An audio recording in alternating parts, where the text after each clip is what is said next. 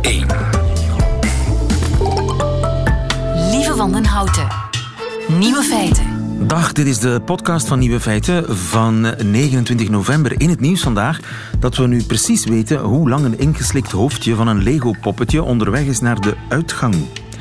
Dat is namelijk proefondervindelijk vastgesteld door zeven kinderartsen in Australië die speciaal voor de wetenschap en natuurlijk ook voor de gemoedsrust van ouders van over de hele wereld elk een Lego-hoofdje tot zich namen. Het resultaat na een grondig onderzoek gemiddeld 1,7 dagen en geen enkele schade. Eén ongelukkige kinderarts heeft het hoofdje wel nog altijd niet teruggevonden, ook niet na twee weken. De andere nieuwe feiten. Hercule Poirot verliest zijn snor en zijn accent. We kiezen met z'n allen weer het woord van het jaar. Mensen verstoppen bepaalde kwaaltjes zelfs voor hun eigen man of vrouw en dat is gevaarlijk. En journalist Marten Mantel schrijft een zelfhulpboek voor smartphoneverslaafden. De nieuwe feiten van Bart Peters hoort u in zijn persoonlijke middagjournaal. Veel plezier. Nieuwe feiten. Wat is het meest bepalende moment voor een relatie? Nee, dat is niet de eerste kus, maar wel de eerste scheet. Pas op, dat is niet wat ik zeg, dat is wat een Duitse tv-dokter zegt. Dokter Jael Adler, die een boek schreef over lichamelijke taboes. Servaas Benger, goedemiddag. Goedemiddag, lieve. Servaas, je bent huisarts ploegarts van Lotto Soudal ook en auteur van Nooit meer naar de dokter. Een, uh, een soort zelfhulpboek voor uh, mensen. Darüber spricht man nicht, zo heet haar boek van die Duitse tv-dokter. Merk jij daarvan iets in de spreekkamer? Dat, dat zwijgen van mensen? Niet durven praten over bepaalde ongemakken? Wel, daar zijn alle mensen eigenlijk heel verschillend in. Je hebt daar eigenlijk verschillende soorten mensen. Je hebt mensen die gewoon binnenkomen en heel recht voor de raap al hun kleren uitdoen, bij wijze van spreken, uh, en zeggen waar het op slaat. Uh, en dan heb je mensen die eigenlijk hun klacht verhullen in andere klachten. Uh, dus die komen eigenlijk met een ander verhaal en vertellen dan zo terloops, ah, by the way, ik heb aan bij nog een keer. ja, zoiets. dus ik denk dat, dat, dat daar heel veel verschillende ja, types ja. mensen in zitten. En wat zijn zo de genantste kwaaltjes? Waar schamen die mensen zich dan voor? Je voelt, eh, heel vaak is daar rond seksuele problematiek bijvoorbeeld. Uh, sommige mensen praten daar niet graag over. Uh, en ja, komen dan ook heel onwennig bij, bij ons zitten als, als het voor zo'n probleem is. Bijvoorbeeld erectiestoornissen, uh, vrouwen die door uh, menopausale klachten, uh, vaginale droogte of zoiets hebben. maar wat onze taak dan is, is, is, die mensen zo snel mogelijk geruststellen dat het kan. Hè. Wij kunnen over zulke dingen praten. wij benaderen dat niet door de bril van het taboe. Ja, want ja, denk dat, een, een, een huisarts heeft alles al gezien en meegemaakt. Het, het, verhaal waar het boek mee begint, uh, van iemand die tijdens de, het op de knieën gaan voor het ten huwelijk vragen, een scheet laat en dan uh, sterft of, of, zelfmoord pleegt, omdat dat gebeurd is, dat heb ik nog niet gezien. Ja, maar al de rest maar, wel. al de rest wel. Mensen die, die zich schamen over ja, probleempjes met hun geslachtsorganen, dat alles heeft je, heb jij al meegemaakt. Is het gevaarlijk om daarover te zwijgen? Mensen zwijgen daar soms over tegen hun eigen vrouw of man. Ja, ik denk wel dat het gevaarlijk kan zijn als dat bijvoorbeeld om een, om een seksueel overdraagbare aandoening gaat. Ja, dan heb je niet alleen kans om daar zelf eh, gevolgen op lange termijn van te hebben, maar dan ook nog om je partner te besmetten en zo. Dus uh, mijn boodschap is daarin van maak het, maak het gewoon bespreekbaar. Uh, uh, praat erover met uw arts. Uw arts kan u ook helpen om, om het bespreekbaar te maken met uw partner. Hè. het is onmogelijk om je arts te chockeren als we gechoqueerd zijn, gaan we het alles eens niet tonen. zeer verstandig en zeer professioneel. Jael Adler, haar boek is vertaald als Ongemak. Dankjewel, Servaas Benger. Goedemiddag. Goedemiddag. Radio 1. Nieuwe feiten. Brokkelbrug, deelstep, dranken hangen, roof tijdschrift, bomcycloon, vliegschaamte. Ja, ik noem ze maar op. Een paar toch, in elk geval. Eh, genomineerden voor het woord van het jaar. U kiest namelijk dat woord van het jaar en u kan nog stemmen tot half december. Ruud Hendricks, goedemiddag. Goedemiddag, lieve. Je bent de hoofdredacteur van De Grote Vandalen. Mhm. En jullie hebben bij Vandalen 18 woorden genomineerd voor Ja. woord van het jaar 2018. Op basis waarvan eigenlijk? Hoe gaat dat? Wel, eh, wij houden natuurlijk de vinger aan de pols van wat er gebeurt in, in, in de wereld en welke woorden daarbij ontstaan of heel populair worden.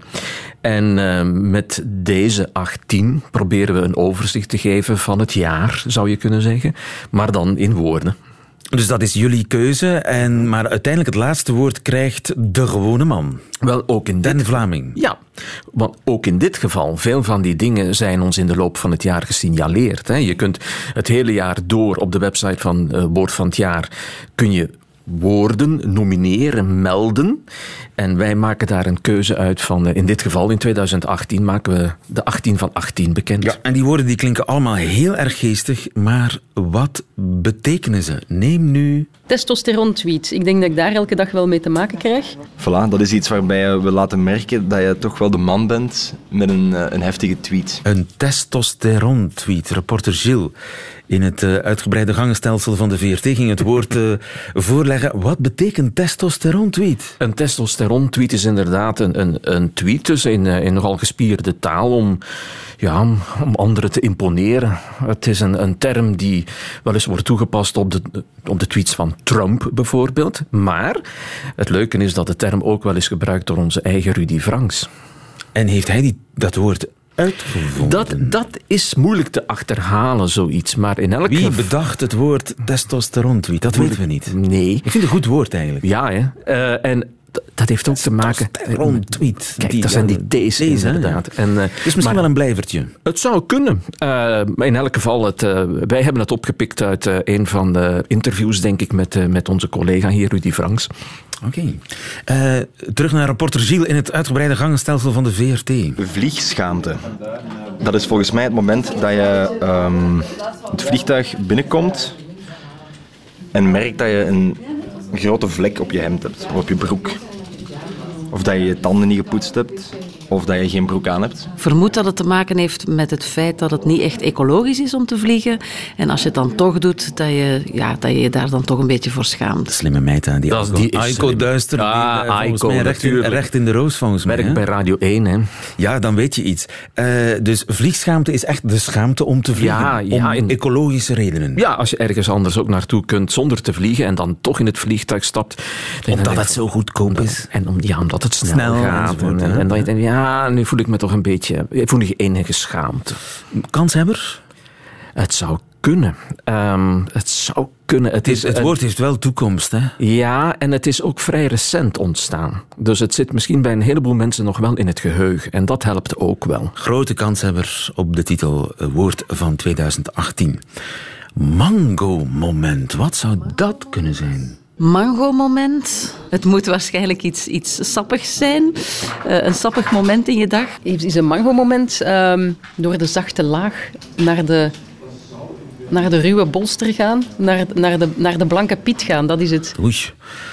Een filosofische uitleg door Caroline de Becker, dacht ik, ik Ja, te herkennen. Eh, ja. wat- maar ik heb geen flauw idee wat het zou kunnen zijn. Wel, een mango-moment, daar zit een heel verhaal achter. Het, het is eigenlijk, ehm, het verschijnsel zelf komt uit een eh, programma van Annemie Struif, via Annemie, van een paar jaar geleden, waarin ze een, een doodzieke vrouw bezoekt en die zegt, kijk, als je mij nog één keer een groot plezier wil doen, we zouden samen eens een mango moeten eten. En dat is gebeurd. Dus en iedereen was daar zo door ontroerd. En eh, het Universitair Ziekenhuis in Leuven heeft dat opgepikt als het mango-moment. Dus een moment waarop een, een zieke en, en iemand die daar op bezoek komt of die daar zorg komt verlenen, even gewoon die relatie van patiënt en zorgverlener opzij laat en als twee mensen bij elkaar gaat zitten en nog even een moment van geluk beleeft. Dat in een, is in een poel van miserie, miserie een moment ineens zo van een- geluk. van mango-moment. Een mango-moment. Nog Je eens hebt even. drie Mm. dagen vastgezeten op Ja. Zaventem, je vlucht Juist, enzovoort. juist. Maar eh, we gaan toch een, een fruitsapje tot ons nemen. Ja, zoiets, ja. Een mango-moment. Hmm. Ja, maar uit, uitgevonden door Annemie. Wel, ik weet niet zeker of zij het woord heeft gebruikt in de uitzending. Uitzending. Dat zou ik nog eens opnieuw moeten bekijken. Maar het is in elk geval als begrip het mango-moment. Dat is daar in dat programma ontstaan. En dan opgepikt door, uh, door uh, Gasthuisberg. En Ja. heeft daar uh, ja, een, hele, een hele werking aan. In het Bijna, bijna zo chic als een post, op een postzegel terechtkomen. Ja, een is- woord bedenken. dat is En lanceren, dat is echt heel Ja. chic. Nog eentje. Ehm, een Bourgondische coalitie. Ik denk dat dat een coalitie is met, ehm, met enorm veel partijen. De Bourgondische coalitie. Dat is een, een, politieke, een politieke coalitie waarbij dat er vooral veel gegeten wordt. Eh Guy eh, was er naar het schijnt wel goed. De Bourgondische coalitie is eh, de coalitie die in de maak is in Antwerpen. Hupla. Jepla.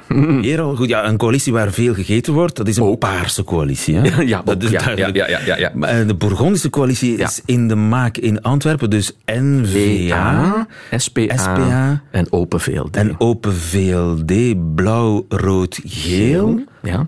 En toen heeft Bart de Wever gezegd, ja, kijk, dat zijn de kleuren van de vlag van Bourgondië. Dat was niet helemaal juist. Het zijn de kleuren van de vlag van de hertog van Bourgondië. Maar goed, het, het, was een- het, is, het, een, het is een Bourgondische coalitie. Ja. En daar zal misschien wel veel gegeten worden ook. Ik neem aan van wel, ja. Een blijvertje? Dat zal van Bart Wever afhangen en zijn coalitie. collega's daar in Antwerpen. Of, we hebben bijvoorbeeld ook een tijdje geleden had was het de Zweedse coalitie. coalitie. Ja. En die term heeft toch wel een, ja, die, heeft, die is toch een hele tijd in gebruik geweest. Dus het zou best kunnen als het lukt dat die, en die wordt consequent zo genoemd, dat het een blijvertje is. Ja, dan. eh, Het hangt van de onderhandelingen af. Inderdaad. Wat is je persoonlijke favoriet? Ruud? Goh, dat is Waar ga jij voor stemmen? Eh, Hem, mag ik dat vragen? Eh, ik ga niet stemmen. Ik vind dat je dat niet moet doen als, als, als de baas van de stemming. Maar ik, eh, ik, ik denk, eerlijk gezegd, dat het in de richting van mango-moment of testosteron-tweet of zo zou gaan. Ik Brokkelbrug zou ook Brokkelbrug. kunnen. Omdat dat... Iedereen weet het onmiddellijk. Ja, en weet je waarom? Ja. Omdat dat woorden zijn met een binnenrijm. Ach, En je moet dat is gewoon... een zwak, een zwak plekje. Van, Dat is een heel zwakke plek. Ga maar na. Wat hebben we de afgelopen jaren gehad? De koesterkoffer, KK, Samson, seks, veel S'en, Geen idee meer wat die woorden betekenen. overigens. kost, twee keer K. Kraamkost? Ja, dat was een paar jaar geleden. Dat je mensen eh, in plaats van een cadeautje bij de bevalling ook gewoon eten meeneemt. Ja. Brokkelbrug, eh, deelstep is er ook in. Ja. Vliegschaamte, Vliegschaamte, testosteron ja. tweet. Het is aan u, dankjewel, Ruud Hendricks. En oh, tot hoe lang kun je stemmen? Ergens midden december. Ik Ergens midden 16, december. 17 december. Eh, en ze hebben in Nederland ook een stemming. Ja. Over andere woorden. Over andere Ook Interessant, woorden, maar we zijn toch in, ja, in die In twee, Vlaanderen nu. In die twee eh, stemmingen zijn we toch min of meer met elkaar verbonden. Hoofdredacteur van De Grote Van Dalen, Ruud Hendricks. Dankjewel. En jullie aan het stemmen. Radio 1. Nieuwe feiten. Meer en meer mensen, u en ik natuurlijk niet, maar eh, meer en meer mensen zijn verslaafd aan hun smartphone. En om de schade te beperken, heeft journalist Marten Mantel een boek geschreven. Een, een zelfhulpboek, zeg maar. Voor de mobiele mens. En dat boek heet Aan het typen. Goedemiddag, Marten. Goedemiddag. Zeg, eh Maarten, zijn mensen, dat is iets wat ik me altijd al afgevraagd heb. Zijn mensen ook echt aan het typen als er staat aan het typen op WhatsApp?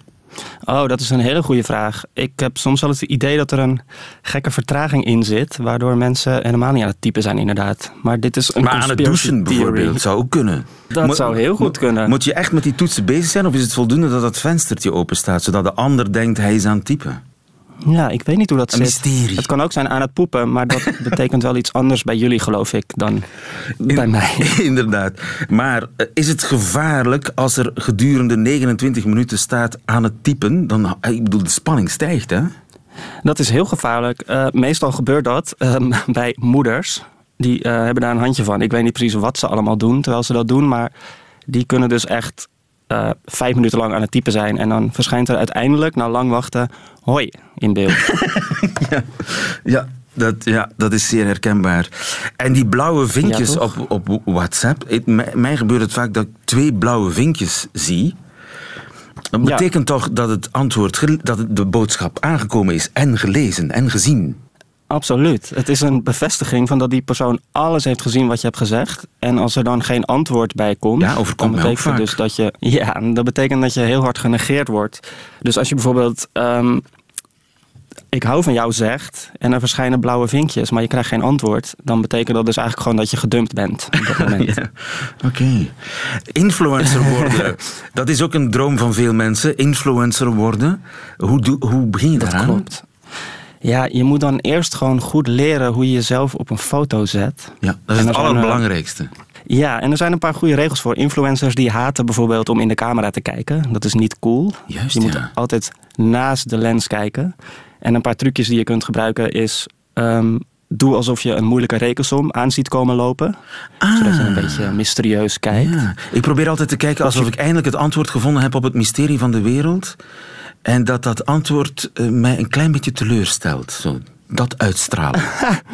Wow, dat is echt voor gevorderden. Jij Ja. bent al een stuk verder dan ik. maar eigenlijk denken aan een moeilijke rekensom creëert ook al een coole look. Ja, dan kijk je een beetje mysterieus in de verte. Nadenkend. Nadenkend over de, de moeilijke dingen van het leven. En hoe die jou raken elke dag weer. Ja.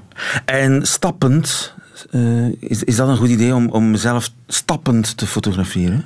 Ja, dat werkt ook heel goed. Dan lijkt het alsof je een plek hebt om heen te gaan. Wat meestal natuurlijk gewoon niet zo is. Laten we eerlijk zijn. Maar als je stappend bent, dan lijkt het... Ah, die heeft een missie. Die heeft, die heeft werk. Ja, ja, ja. ja, die heeft dingen te doen in het leven. En eh, ja, om dat te bereiken kan je ook jezelf stoten aan een kinderfietsje bijvoorbeeld. Zodat je pijn hebt aan je knie. En dan ga je vanzelf een beetje O-benenachtig lopen. Ja, ja, ja, ja, ja. Exact. En Ja. is dat anders voor En, en vrouwen dan voor mannen? doen, vrouwen houden er vooral van om over zebrapaden te lopen om een of andere reden. Dat zie ik heel vaak influencers doen. Dus blijkbaar maakt dat ook iets los in mensen. Als je een weg oversteekt, dan heb je het helemaal gemaakt, blijkbaar. En eh, hoe kan ik op Twitter een graantje meepikken van bijvoorbeeld de aandacht die een ramp genereert? Oh ja, dat is een hele goeie. Ehm, kijk, als er een ramp gebeurt, dan gaat natuurlijk alle aandacht op social media gaat naar die ramp toe. En dat wil je niet, want je wil dat alle aandacht naar jou gaat op social media. Eh, maar je kunt die ramp op jezelf betrekken. Ook al heb je niks met die ramp te maken. Ja, dat gebeurt En, ehm, ja, dat gebeurt inderdaad. Ik heb wel een paar voorbeelden. Stel, er eh, stort een vliegtuig neer in Chili. Dan kun je een link naar een nieuwsartikel daarover op je social media zetten. Met daarbij de tekst. Wat erg, ik heb gisteren nog chili-saus gegeten. Ja. Zodat het toch nog een beetje met jou te maken heeft. Ja, er was, er was inderdaad een, een, eh, politicus, ik weet niet meer wie, die eh, na een aanslag in New York tweette dat ze daar ooit nog de marathon had gelopen. En dat het wel heel Oh, dichtbij ja. kwam op die manier. Dat is een Ja, mooi voorbeeld precies. daarvan ook, ja. Ook al was het eh 13 jaar geleden. ja. En kinderen, werken kinderen nog steeds om retweets en likes te genereren? Ja, het werkt heel goed. Sowieso babyfoto's natuurlijk. Daar, daar kan je ook niet omheen. Maar je kan op, op Twitter, als je echt veel likes en retweets wil, dan kun je anekdotes verzinnen over je kinderen. En eh, mensen denken dat het echt is en die liken en retweeten het. Dus je kunt bijvoorbeeld op Twitter zetten: Mijn auto had een lekke band, dus ik bel de ANWB. Hang ik op. Is mijn dochter van vier maanden de auto al omhoog aan het krikken? Wat moet ik toch zonder haar? 500 likes. Ja, 500 likes, hoppatee. Of je kunt zeggen, date 3 met Tinderjongen. Mee naar huis genomen. Blijkt dat we allebei geen condooms hebben. Komt mijn dochter van drie de slaapkamer binnen om er eentje te brengen. Wel morgen teruggeven, hè mam? nou, hoppa, 800 likes. Ja. En eh, Instagram-foto's. Welke Instagram-foto's moet ik posten of niet posten? Oh, welke moet je niet posten? Nou, weet je, mensen houden er niet van als je echt bent op Instagram. Dus alles moet nep zijn. Dus eh, stel je maakt iets heel ergs mee. Ja, dan moet je dat niet delen. Want dan denken mensen van, ja, kom op. Dit is onze Instagram-bubbel. Val ons niet lastig hiermee, met deze realiteit. Ja. En zonsondergangen? Doen die het nog? Ehm, ja, dat is eh, een van mijn persoonlijke grootste mysteries. Ehm, mensen doen dat en ze houden er niet mee op. En je ziet miljarden en miljarden van unieke zonsondergangen op Instagram. En ja, ik, ik, ja, ik weet niet, mensen houden ervan. Die denken dat ze dan iets toevoegen aan het aanbod. Maar je krijgt echt een zere duim van het scrollen zodra er weer een mooie zonsondergang gaande is. ja, dus te mijden de zonsondergang. Dat zou ik wel doen. Een ander gevaarlijk terrein is natuurlijk Tinder. Ja. Een, een bron van vele misverstanden. Wat betekent het bijvoorbeeld als, als ik een super-like krijg? Ja, een superlike is dus dat iemand omhoog moet swipen. En dat doen mensen niet vaak, want daarmee stel je jezelf eigenlijk heel kwetsbaar op. Maar er zijn vijf mogelijke redenen voor het ontvangen van een superlike, als dat je het toch is overkomen. Eén, er is per ongeluk verkeerd geswiped omdat de vingers van de betreffende persoon vettig waren door het eten van knoflooksaus. Twee, er is foutief geswiped als gevolg van een heerlijk romige currysaus op de vingers. Drie, er bleek een flinke klodder satésaus op de swipevinger te zitten, met alle gevolgen van dien. Vier, een smeuïge huisgemaakte pesto, gemaakt volgens authentiek recept van oma, heeft een swipe in de verkeerde richting veroorzaakt. Ja. En de vijfde reden die een superlike kan veroorzaken is mayo. Alright. Dat En ze. da- ja, dat, eh, die ga ik proberen te onthouden. Dat is zeer belangrijk voor een eh, risicoloos verblijf op Tinder. Eh, Ja, heel afko- belangrijk. afkortingen zijn ook een bron van misverstand, hè? Oh ja, ja, inderdaad. Als je een tiener hebt, ja, die chatten natuurlijk vaak en die gebruiken afkortingen. En ja, soms weet je niet wat die betekenen. En dan kun je nog wel eens zorgen gaan maken daarover. Maar ik heb ze op een rijtje gezet. Die zijn ook in mijn boek te lezen. Als je bijvoorbeeld ziet dat je tiener LMAO gebruikt, dat betekent liquideer mijn afschuwelijke ouders. dus als je, dat, als je ze dat ziet gebruiken, dan moet je wel even aan de bel trekken, want dat is natuurlijk niet helemaal oké. Oké. En als ze, als ze OMG gebruiken, Ja. dan betekent dat onlangs moeder geworden. Dus ik zal dan even goed kijken of je tiener niet eh, ja, een tienermoeder is geworden of tienervader. Dat zijn allemaal En, eh, zeer... ja. Oh, je had er nog één, een laatste? Ik heb er nog eentje, BRB, die eh, wordt ook vaak gebruikt. Dat betekent binnenkort rituals beroven. Dus als je een bivakmuts ziet liggen in de slaapkamer van je zoon of dochter, nou, dan weet je hoe laat het is. Met al deze wijsheden kunnen we weer verder aan het typen. Een eh, goed bedoeld, maar nutteloos boekje, ik citeer je, eh, voor de mobiele generatie, is verkrijgbaar in de betere boekhandel of online natuurlijk. Marten Mantel, dankjewel. Goedemiddag. Jij bedankt. Radio 1. Altijd benieuwd. Nieuwe feiten. Wat krijgen we nu? Le Nouveau Poirot est arrivé. John Malkovich zal hem spelen in de nieuwe reeks Flip Feiten. Goedemiddag. Goedemiddag. Je bent fan van het eerste uur en eh Engeland-freak, Queen-kundige. Er komt dus een eh, nieuwe reeks eh, van de BBC en die zal dus kennelijk waarschijnlijk ook zeer binnenkort ook bij ons te zien zijn. Dat betekent afscheid van de Poirot zoals we hem kennen. Ja, absoluut. Ik zie hier een eh, foto van de acteur John Malkovich die hem gaat eh, vertolken. En Horresco referens. Ik zie geen eh moustache. Geen Ik snor. zie een... nee, ik zie een... hoe noem je dat? Een, een geitenstikje. Zo'n zo'n eh, baardje waarbij de kaken vrij blijven en eh, er op de kin en op weliswaar de, de bovenlip haar staan. En bovendien grijs. Dat is Poirot niet, hè? En naar het schijnt zou hij zelfs zijn Frans accent verliezen. Dat, is, dat, dat kan helemaal niet. Ik bedoel, enfin, eh, hij is een Belg, dat weet je toch, hè? Ja. Maar ja, misschien, misschien na de brexit moet dat aspect, moeten, we, moeten ze eh, Poirot ontbrusselen, bij wijze van spreken. Want Brussel, Ja. België, dat is de Europese Unie. Zou het daarmee te maken kunnen hebben? Ja, maar dat heeft eh, eh, Agatha Christie zeker niet bedoeld. Hè? Integendeel, eh, het was uit sympathie voor de Belgen dat ze van Hercule Poirot een Belg heeft gemaakt. Het eerste verhaal is in 1920 eh, verschenen, dat was dus net na de Eerste Wereldoorlog. En zij had een personage nodig die een, een, een doorgewinterde detectieve was, dus, en, maar, maar toch ehm, geen werk had. En in haar hoofd was dat een politieofficier uit België, eh, op jaren, die eh, had moeten vluchten voor de Duitsers. En dus in Londen zat zonder werk, maar wel met alle kennis van opsporingstechnieken. En daarom heeft ze daarvan een Belg gemaakt, want dat was sympathiek toen. de Britten En- en waren heeft ze ons ter ook hulp de, geschoten. de- heeft ze ook de look van Poirot in detail bepaald? Ehm, ze heeft daar wel, ze heeft zeker over Dries Snor geschreven, uiteraard. Eh, en ze heeft hem inderdaad ook beschreven. Hij was klein, hij had een eivormig hoofd. En, en verder eh, merk je aan, aan al zijn handelingen hoe ijdel hij was, hoezeer hij bewust was van zijn eigen eh, genialiteit. Hopla. En dan zijn we Flip kwijt. Laten we dan maar eh, in de hoop dat Flip terugkeert eens even eh, luisteren naar de Poirot zoals we hem kennen. Een fragmentje uit de prachtserie. This is tragic, Chief Inspector. I can eat none of this wonderful food. What? Why? Because I have an allergy of the fagot.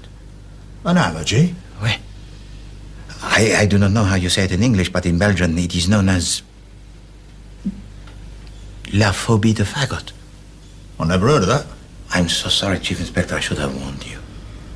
Well, this is a blessed upset, I must say. Still, you can have some spotted dick. You haven't got a phobie to dick, have you? Oeh, ja, faggot en dik. Faggot zijn vleesballen, maar eh, daar is hij allergisch aan. Uh, faggot is natuurlijk ook slang voor homo. En spotted dick is denk ik ook een, een bekend dessert in Engeland. Poirot, ja, die afgemeten pasjes en bewegingen, dat, het, doet een beetje richting faggot, spotted dick... Dat doet er een beetje aan denken, hè, Flip? Hoe zit het met de, de geaardheid van Poirot? Wel, ik heb mezelf daar ook altijd vragen over gesteld. Overigens, die, die uh, afgemeten pasjes, David Suchet, weet je hoe hij dat deed? Hij uh, klemde een muntstuk tussen zijn billen om uh, die pasjes te kunnen nadoen. Ja, ik weet, ik weet begot niet of... Um, Poirot het voor de mannen heeft, maar ik moet zeggen, ik heb daar toch ook altijd mijn twijfels over gehad. Die, hij omringt zich toch altijd met mannen. Die vriendschap met Captain Hastings is, uh, is toch uh, alomtegenwoordig. Mm um, maar Hastings is getrouwd, heeft vier kinderen. Um, maar als uh, Poirot sterft, dan laat Agatha Christie hem als laatste woorden toch tegen Hastings zeggen: Mon cher ami. Mon cher ami. En naar het schijnt, ik heb me laten vertellen dat in die nieuwe Britse Poirot-reeks met John Malkovich, dat, dat, dat die relatie ietsje explicieter wordt. Aha. En eh, weet je ook hoe ze Hastings dan portretteren? Uh, nee, dat valt natuurlijk af te wachten. De spanning stijgt. Maar ja, in ieder geval. De post... Maar het, weet je wat mij erg verbaast? Uh, die uh, scenario's moeten goedgekeurd worden door de erven ja. van Agatha Christie. En dat ze dit er doorgelaten hebben. Eh, en een, een voor, uh, voormalige vertolker was Peter Ustinov, de fantastische acteur. Die leek helemaal niet op de Poirot zoals uh, Agatha Christie hem beschreven had in de boeken. Die was heel dik en, en had ook grijs haar. En op een bepaald moment is hij uh, hem aan het spelen in, in, repetities. En de dochter van Agatha Christie, Rosalind Hicks, was aan het kijken. En zij zegt op een bepaald moment, that's not Poirot at all. He isn't at all like that waarop Peter Ustinov zei, he is now. Oké. En het valt af te wachten of John Malkovich ook uh, gestalte zal kunnen geven aan uh, Poirot. We zijn daar op zijn minst sceptisch over, hè Flip? Ja, we zijn daar sceptisch over. En wij niet alleen. Uh, ik heb in een, een Britse krant ook een, een ja, een heel negatieve commentaar gelezen van uh, hoe kan dit nu? Dit is Poirot niet, uh, dat mag je niet met die, dit personage doen. Dus de BBC neemt daar blijkbaar toch wel uh, ja, een, een, grote vrijheid en dus ook een risico. Een groot risico. Want David Suchet heeft hem, wat is het, 24 jaar vertolkt. En dat wordt een beetje, dat is in 100 landen uitgezonden. Dat is door 7 miljoen mensen gezien. Dat is een beetje de standaard geworden van de Poirot. Als je daaraan wil gaan tornen, ja. ja dan moet je van goede huizen zijn om dat uh, tot een goed einde te brengen. Misschien zijn ze van goede huizen bij de BBC. We zullen dat uh, afwachten. ja. Dankjewel, uh, Flip Feiten. Nieuwe feiten. Middagjournaal.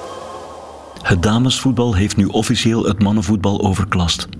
Sinds gisteren uitkwam dat jonge dames van de Red Flames werden benaderd voor matchfixing, maar dat ze in tegenstelling tot die pippo's in het mannenvoetbal gewoon zegden rot op viezerikken. Ik vind dat supercool.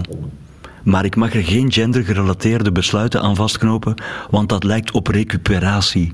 Enfin, dat is toch wat ik zelf een beetje denk als Alexander de Croo een boek schrijft over zijn feminisme. Anderzijds zijn deze tijden zo ziekelijk politiek correct dat het me eigenlijk geen lap kan schelen. Ik maak me zelfs geen zorgen meer als meisjespopidool Shawn Mendes zich deze week excuseert omdat hij zijn oogleden door Taylor Swift op haar Instagram had laten beglitteren. Waardoor er twijfels zouden kunnen ontstaan over zijn LGBTAP plus slash sterretje slash schrappen wat niet past status. Zo heeft David Bowie het ons niet geleerd. Naast voetbalknoeibaarheid wordt deze tijd gekenmerkt door gendervloeibaarheid. En dat is tof. Dat geeft kleur. We hebben allemaal een vrouwelijke kant, al is de mijne wat ondergesneeuwd. Daarom was ik zo oprecht blij toen mijn dag onlangs werd gekleurd door Conti, Bo van Speelbeek. Bo maakte een item voor het VTM-nieuws over 60 jaar Madonna en ze zochten blijkbaar een hetero die enthousiast was over Madonna en dat was ik. En het item was net klaar toen Aretha Franklin haar kaas liet, waardoor we een nieuw item moesten maken. Enfin, ik heb een dagje met Bo mogen optrekken als gezellige meiden onder elkaar. Eigenlijk vond ik Madonna en Aretha wat in de weg staan van waar ik het echt wilde over hebben. Dat was natuurlijk Bo zelf. En het super toffe was, op een bepaald moment mocht dat. Plots bevonden we ons in een echt meisjesgesprek. Over make-up, kapsels, u schoon afkleden, glamour maar toch niet te. Ik vond het zo bevrijdend. Boudewijn van Spilbeek kende ik alleen van op de tv als reporter. En eerlijk gezegd ook als een man die je eerder associeerde met Vlaamse streekromanschrijvers. Met Jos Gijzels misschien. Meets Koen Geens misschien zelfs. En nu dit. Besefte ze dat ze er los van alles onmetelijk veel funkier op geworden was en tien jaar jonger. Bo zei dat ik niet moest overdrijven, maar ik voelde dat ze me gelijk gaf. Bo en de Red Flames zijn voor mij de topwijven van het jaar. Met Alexander de Croo ten hoogste als verdienstelijke derde.